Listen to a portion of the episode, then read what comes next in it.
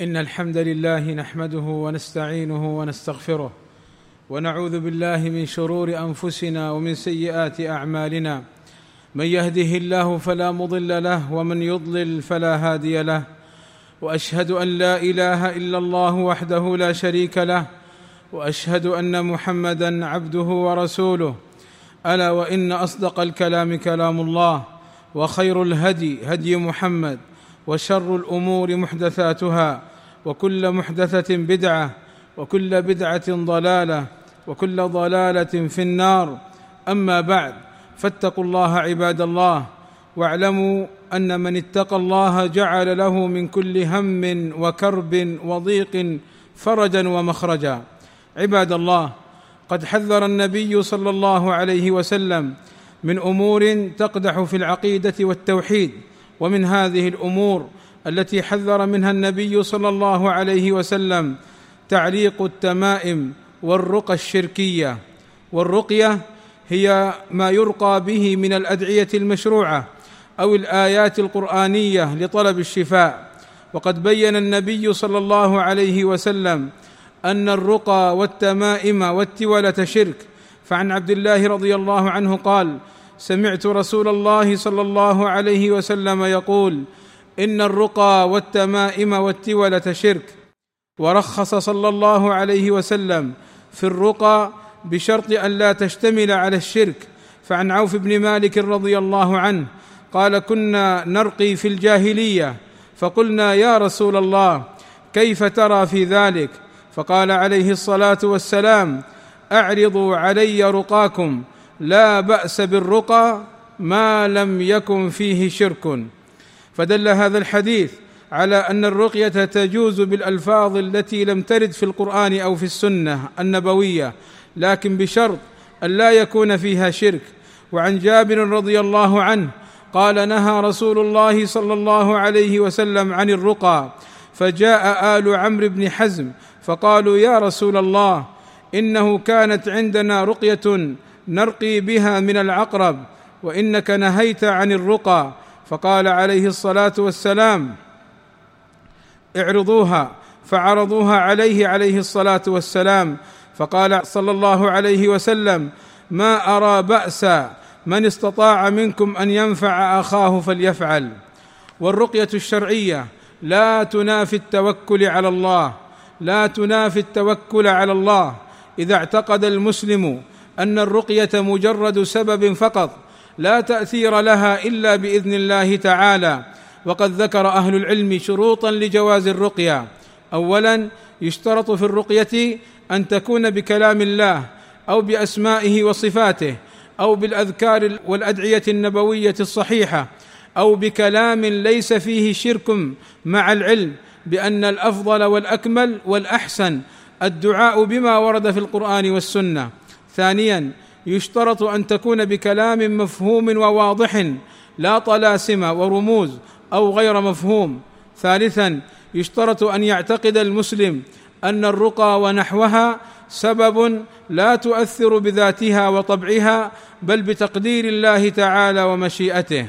ومن الرقى المشهورة عند بعض أهل القرى رقية العقرب وغيرها من ذوات السم وهي رقية مشتملة على أنواع من الشرك ومن ألفاظها بسم الله يا قراءة الله بالسبع السماوات وبالآيات المرسلات التي تحكم ولا يحكم عليها.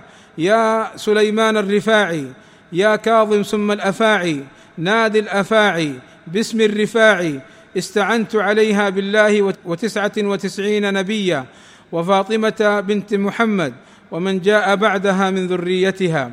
فهذه الرقية فيها الاستغاثة بالسماوات والاستعانة بكثير من الأموات من الأنبياء وغيرهم وفيها الاستعانة بالرفاع وهذا كله شرك. فهذه الرقية لا تجوز كما ذكر ذلك أهل العلم. وبعض الناس يكتب الآيات القرآنية كآية الكرسي مثلا على أواني الطعام والشراب لغرض التداوي بها وهذا لا شك أنه خطأ لا يجوز. وبعض المسلمين يعتقد أن العلاج يجب أن يكون بالأمور المادية أي عن طريق الأطباء والأدوية المشروبة والمتناولة فقط دون الاستشفاء بالقرآن لأنه يقول ويعتقد أن القرآن ليس فيه العلاج والشفاء. وهذا لا شك أنه اعتقاد باطل مصادم للنصوص القرآنية والأحاديث النبوية كقوله تعالى وننزل من القرآن ما هو شفاء ورحمة للمؤمنين وقوله تعالى قل هو للذين آمنوا هدى وشفاء وكذا ما ورد من رقية الصحابي لذلك اللديغ بالفاتحة فقام يمشي وما به شيء ولذلك بعض الناس يظن ويهرع كلما أصيب هو أو بعض أقربائه بمرض إلى المستشفيات. ولا يعالج أقرباءه بالآيات القرآنية وبالأذكار النبوية وبالرقية الشرعية. ولا شك أن هذا مناف لهدي النبي صلى الله عليه وسلم وأصحابه. لا مانع من التداوي ولكن باب الرقية باب شرعي معمول به. وبالتجربة فهناك أمراض تستعصي على الأطباء الحذاق الذين يعالجون بالأمور المادية من الإبر والحبوب والعمليات ثم يعالجها القراء الناصحون المخلصون فتبرأ بإذن الله تعالى. أسأل الله أن يوفقني وإياكم لما يحبه ويرضاه وأن يغفر لنا الذنوب والآثام. إنه سميع مجيب الدعاء. الحمد لله رب العالمين والصلاة والسلام على المبعوث رحمة للعالمين وعلى آله وصحبه أجمعين. عباد الله لا بد من معرفة حكم التمائم التي يعلقها الإنسان على نفسه أو غيره كالمنزل والسيارة لدفع الآفات عنه من أي شيء كان. وقد بين النبي صلى الله عليه وسلم أن التمائم شرك فعن عبد الله قال قال رسول الله صلى الله عليه وسلم إن الرقى والتمائم والتولة شرك. ولم يبايع النبي صلى الله عليه وسلم رجلا علق تميمة لأنها شرك. فعن عقبة بن عامر الجهني أن رسول الله صلى الله عليه وسلم أقبل إليه رهط فبايع تسعة وأمسك عن واحد فقالوا يا رسول الله بايعت تسعة وتركت هذا. قال إن عليه تميمة فأدخل يده فقطعها فبايعه وقال صلى الله عليه وسلم من علق تميمة فقد أشرك. بل أمر النبي صلى الله عليه وسلم مناد ينادي في الناس أن لا يبقين في رقبة بعير قلادة من وتر أو قلادة إلا قطعت. فعن أبي بشير الأنصاري رضي الله عنه أنه كان مع رسول الله صلى الله عليه وسلم في بعض أسفاره والناس في مبيتهم فأرسل رسول الله صلى الله عليه وسلم رجلا أن لا يبقين في رقبة بعير قلادة من وتر أو قلادة إلا قطعت.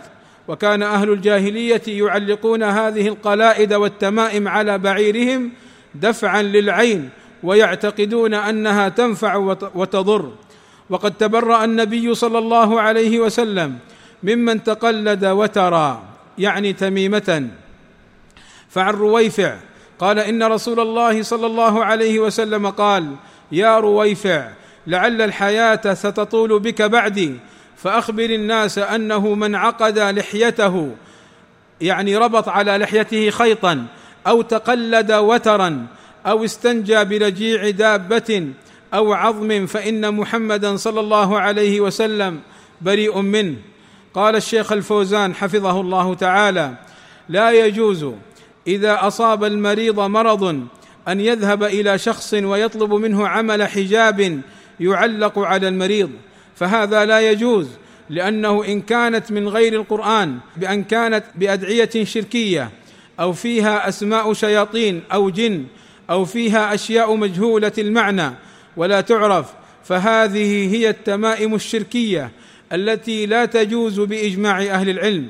أما إذا كانت هذه الحجب مكتوبة من القرآن فإنه لا يجوز تعليقها على الصحيح من قولي العلماء لأن ذلك وسيلة إلى الشرك ولأنه لم يرد دليل بجواز مثل ذلك وإنما ورد الدليل بالرقية وهي القراءة على المصاب. انتهى كلامه حفظه الله.